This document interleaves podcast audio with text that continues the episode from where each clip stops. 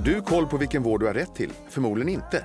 Och just därför har vården.se valt att göra den här podden. Jag heter Mikael Sandström och är husdoktor i eh, podden Vårddjungeln. Jag får sällskap av andra experter inom vårdrelaterade ämnen och även gäster som berättar om sina sjukdomserfarenheter. Har du som lyssnar en fråga du vill ta upp i podden så mejla fragoratvarden.se. Med detta sagt önskar jag dig varmt välkommen till Vårddjungeln. Nu kör vi! Då var det dags igen för ännu ett avsnitt av Vårddjungeln. Och eh, jag som hälsar välkommen till det här programmet heter ju som vanligt Staffan Gustafsson. Och avsändare av den här podden är ju Vården.se, Sveriges största söktjänst för vård. Och idag sitter jag här i studion med ingen mindre än Lars Olsson som är näringspolitisk chef för privattandläkarna, eller PTL som de flesta säger.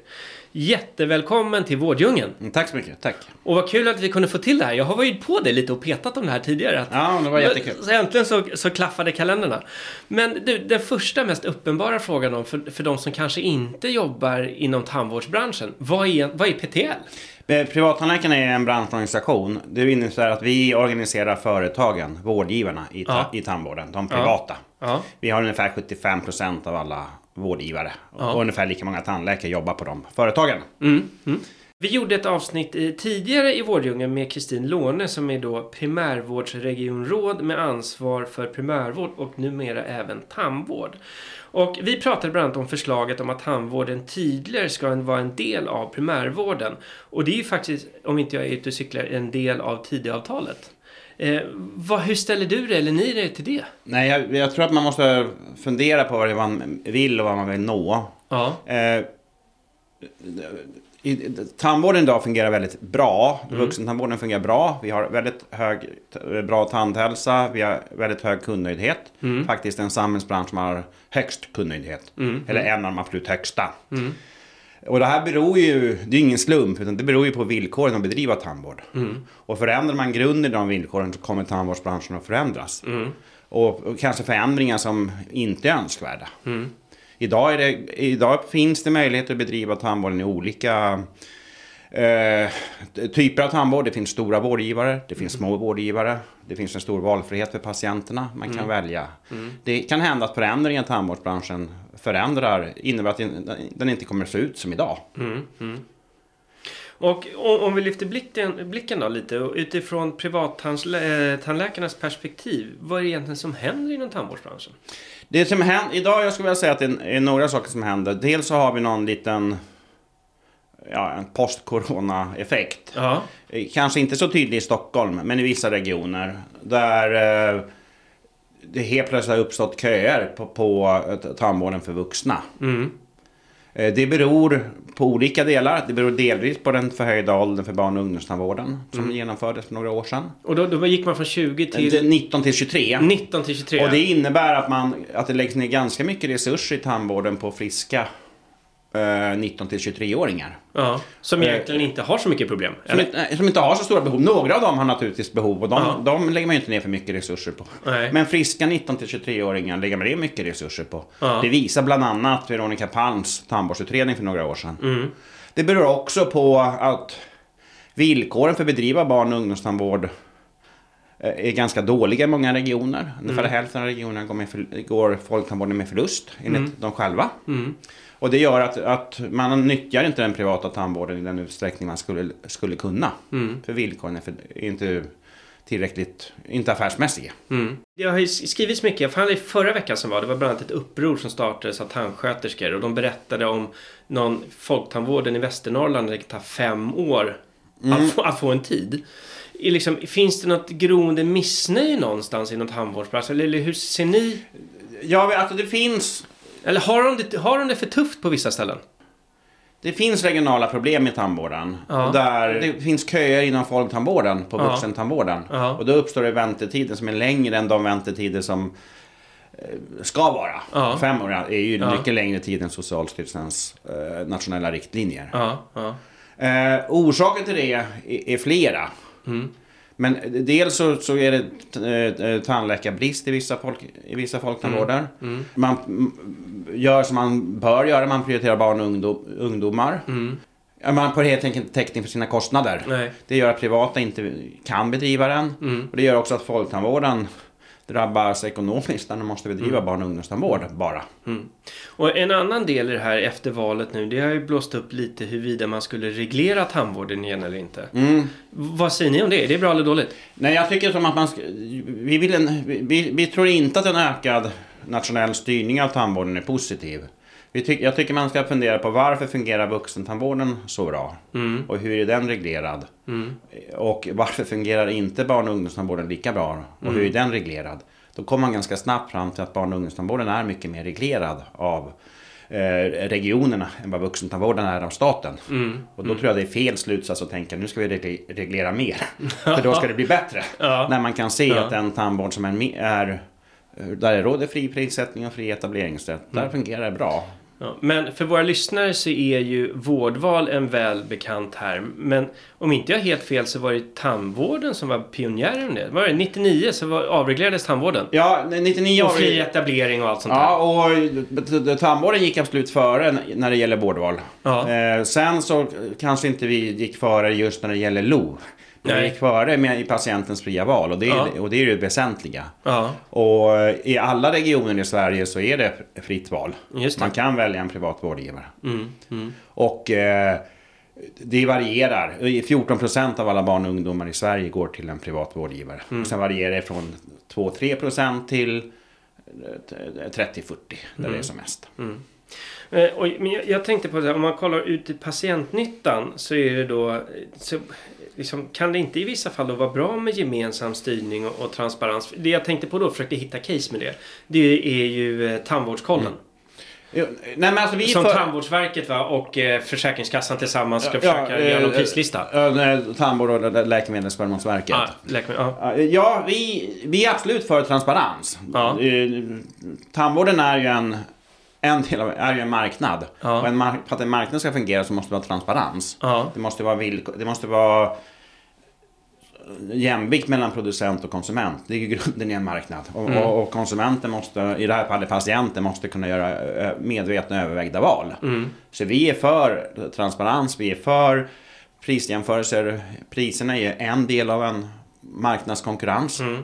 Vi tycker att den tandprisskalan har ett stort problem och det är att, man, att den bara jämför priser. Mm. Vi tycker man måste jämföra andra delar, kvalitetsparametrar. Och jag var inne och kollade där. Eh, och det får du gärna rätta mig om jag har fel. Men om jag går in och tittar då. Säg att, jag, att du är tandläkare och jag ska gå till dig och jag vill få vad ungefär det kommer kosta att gå till dig. Det är ju inte riktigt ditt pris jag får va? Det är någon form av medianpris eller vad? Ja, alltså det, det, Hur ska man använda den tjänsten? Jag, skulle, vilja- jag tror att den kan använda... Man får ett medianpris och det beror på att, att man inte har riktigt statiska priser. Nej. För att det, det, något annat kan man egentligen inte få. Utan Nej. man bakar ihop de senaste åtgärderna.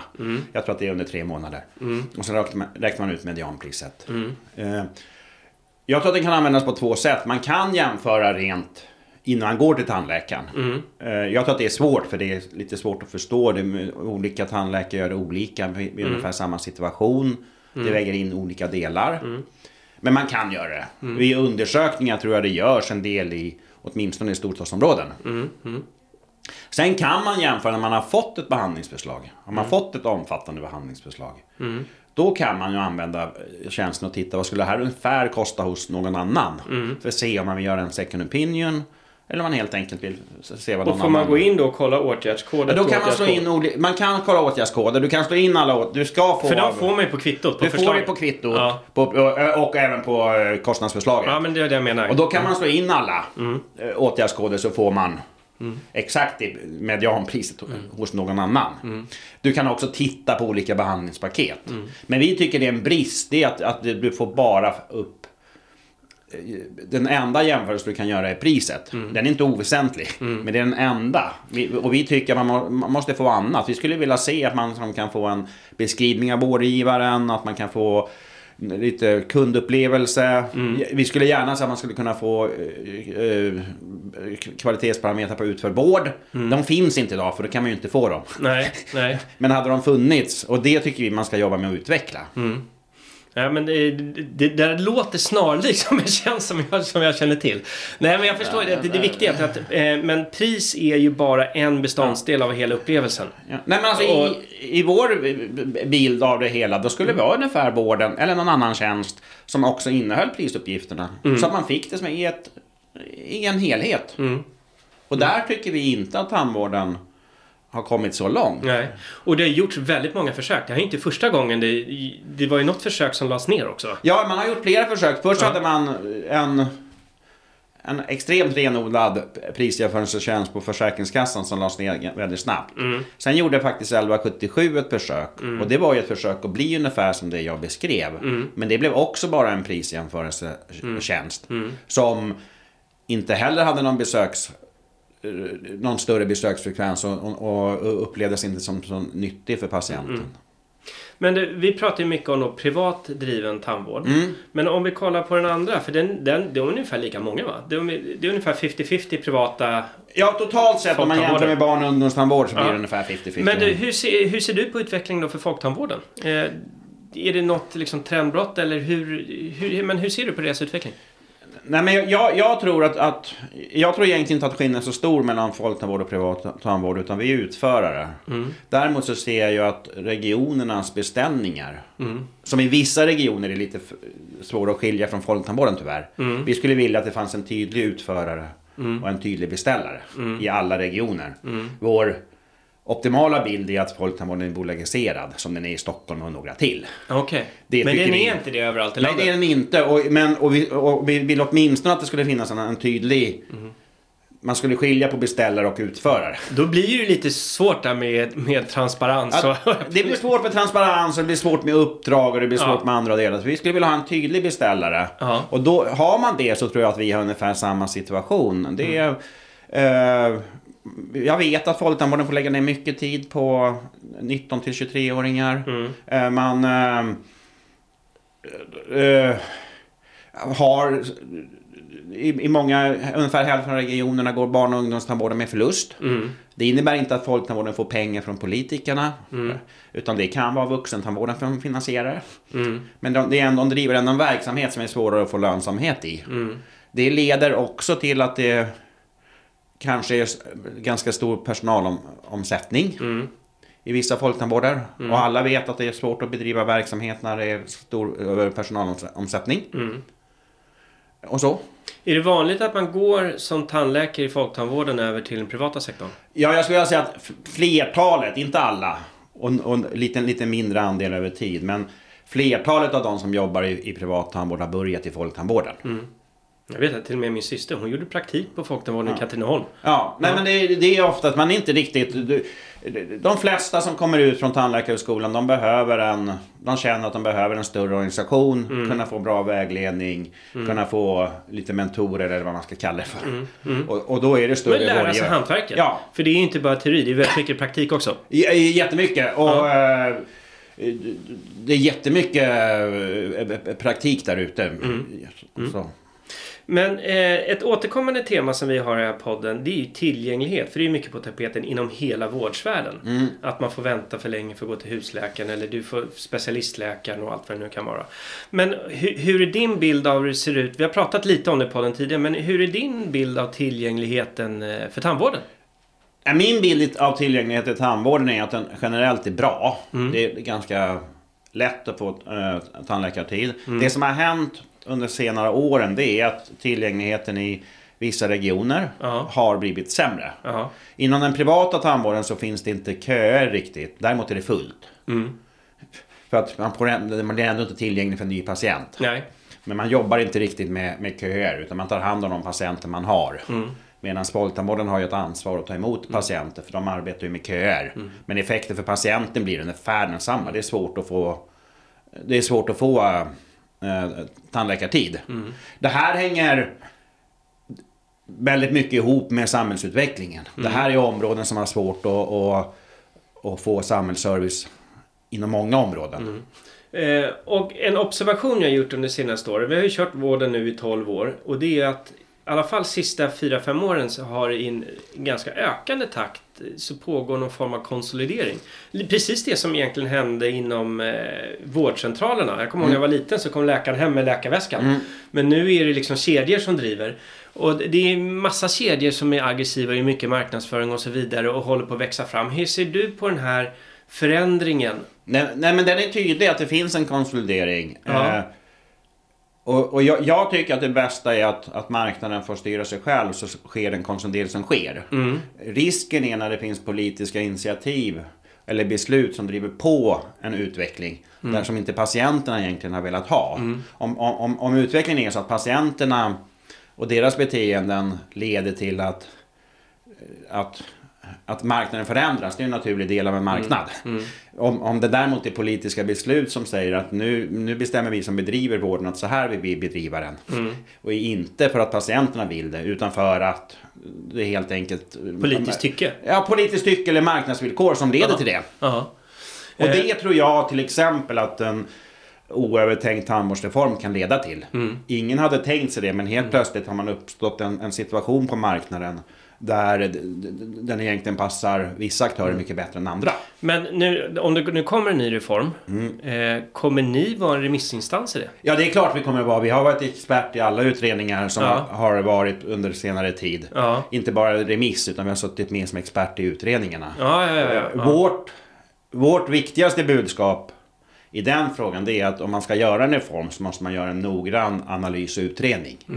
Ibland har man gjort tandvårdsreformer som inte har föregåtts av bra beredning. Och då har det blivit jättedåligt.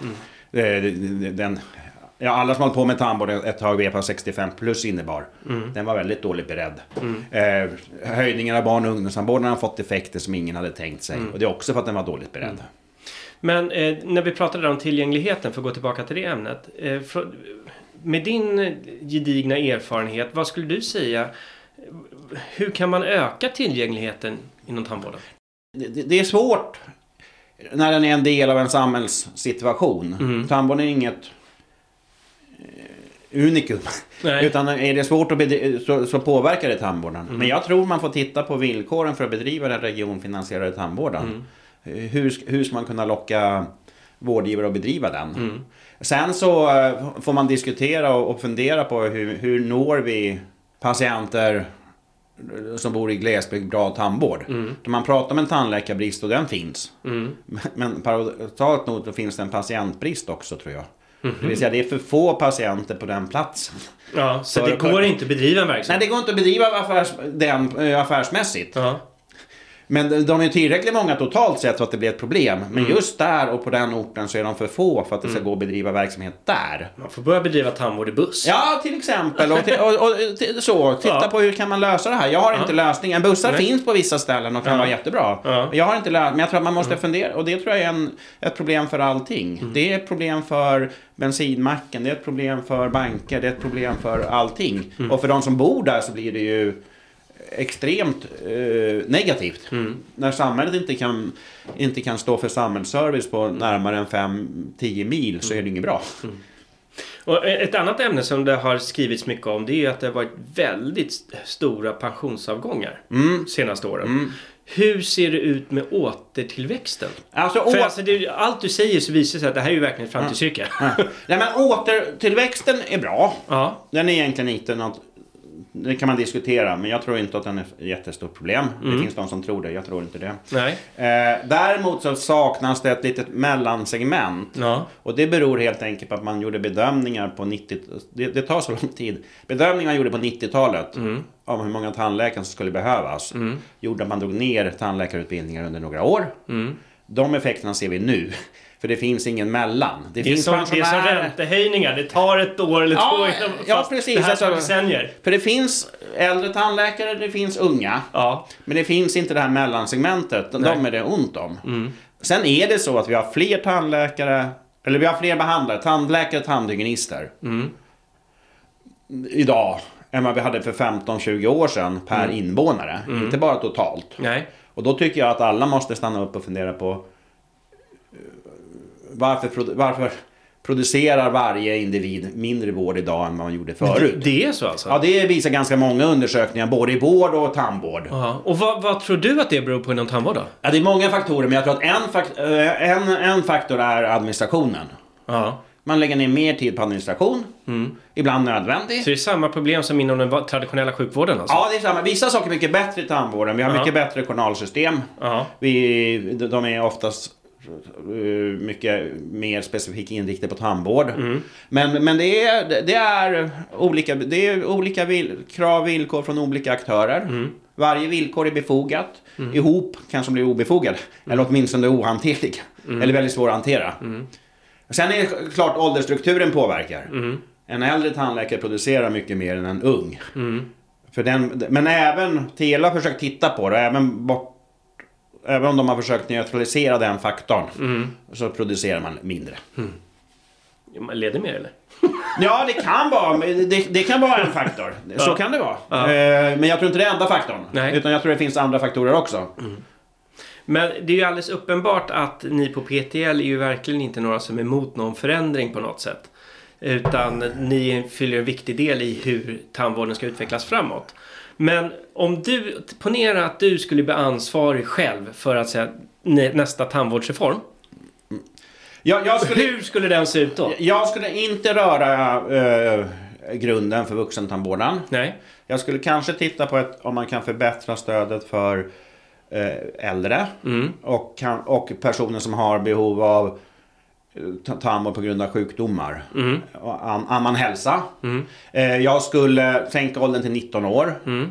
Jag skulle införa ett ersättningssystem som... eh, det är regionala beslut men vi låtsas att det inte är det. Mm. Då skulle jag införa ett ersättningssystem inom barn och ungdomstandvården där man får betalt för den vård man utför. Mm.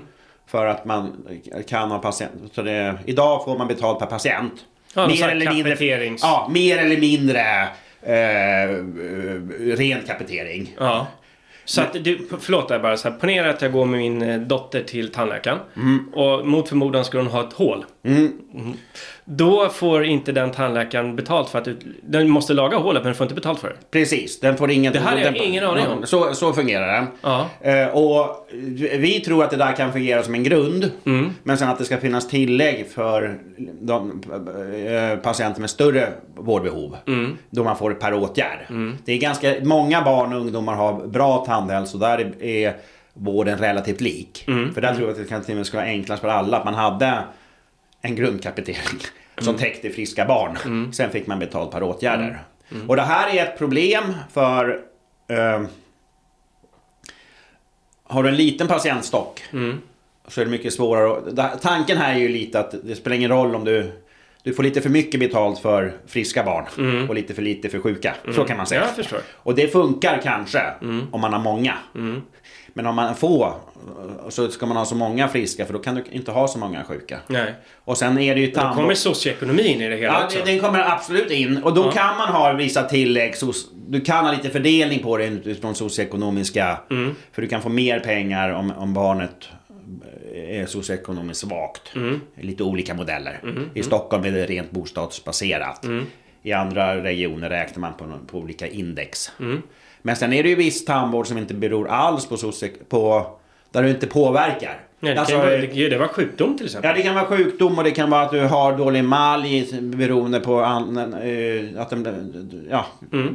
någon, att du någonting just de dag du skulle producera an, eh, anlagen för malj. Eller Mm. andra delar. Hade du en dålig dag helt enkelt? Ja.